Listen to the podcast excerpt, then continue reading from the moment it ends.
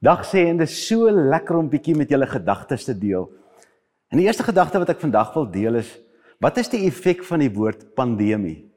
Want ons kom nou deur 'n tyd van 2020 af. Is dit 2020? Ja, 2020 af waar die COVID pandemie die wêreld geslaan het en hoe meer ek met mense werk, hoe meer kom ek agter dat mense is amper in hulle gedagtes foos.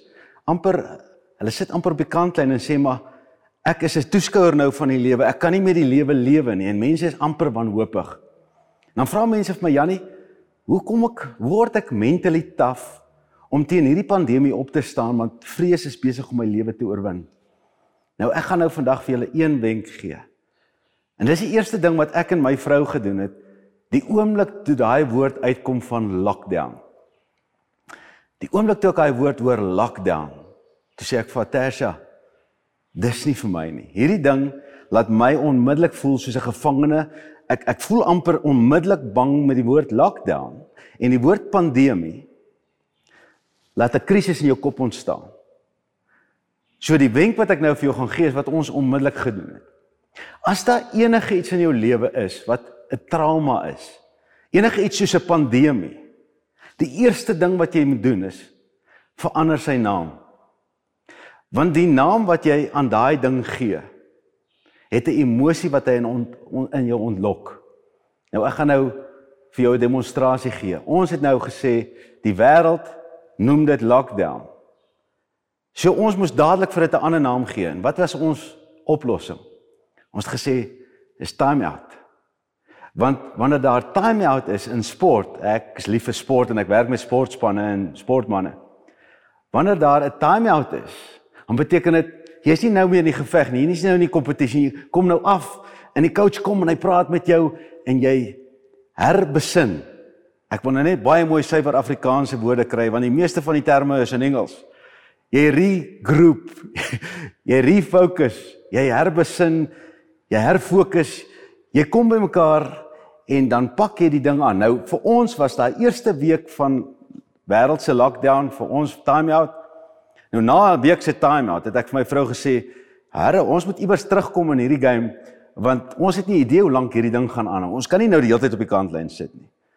En toe moes ons 'n nuwe naam gee vir daai ding. En toe begin ons die tweede week, sê ek vir we are in time.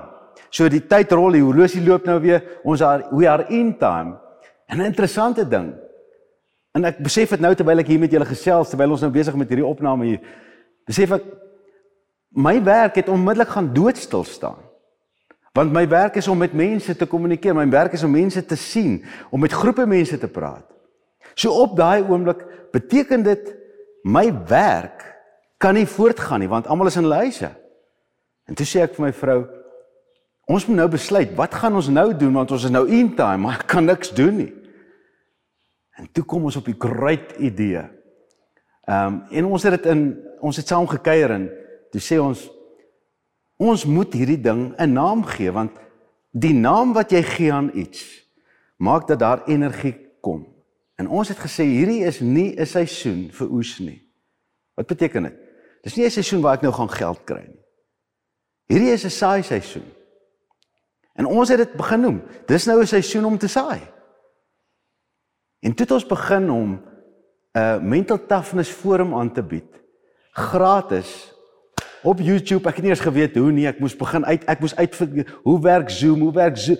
Ek ek is glad nie 'n ou wat my tyd spandeer met tegnologie nie. Maar ons het begin saai. En was dit dit was omtrent 'n periode van 10 weke. Elke dag wat ons huis vol energie was. En hierdie gees nie omdat ek iets gekry het nie. Dis omdat ek dit gegee het. En nou wil ek vir julle sê, moet nooit die krag van saai onderskat nie. Identifiseer die seisoen waarin jy is. Gee dit 'n great naam. En wanneer jy die regte naam vir daai seisoen gee, waarin jy nou is, maak nie saak waar jy is nie.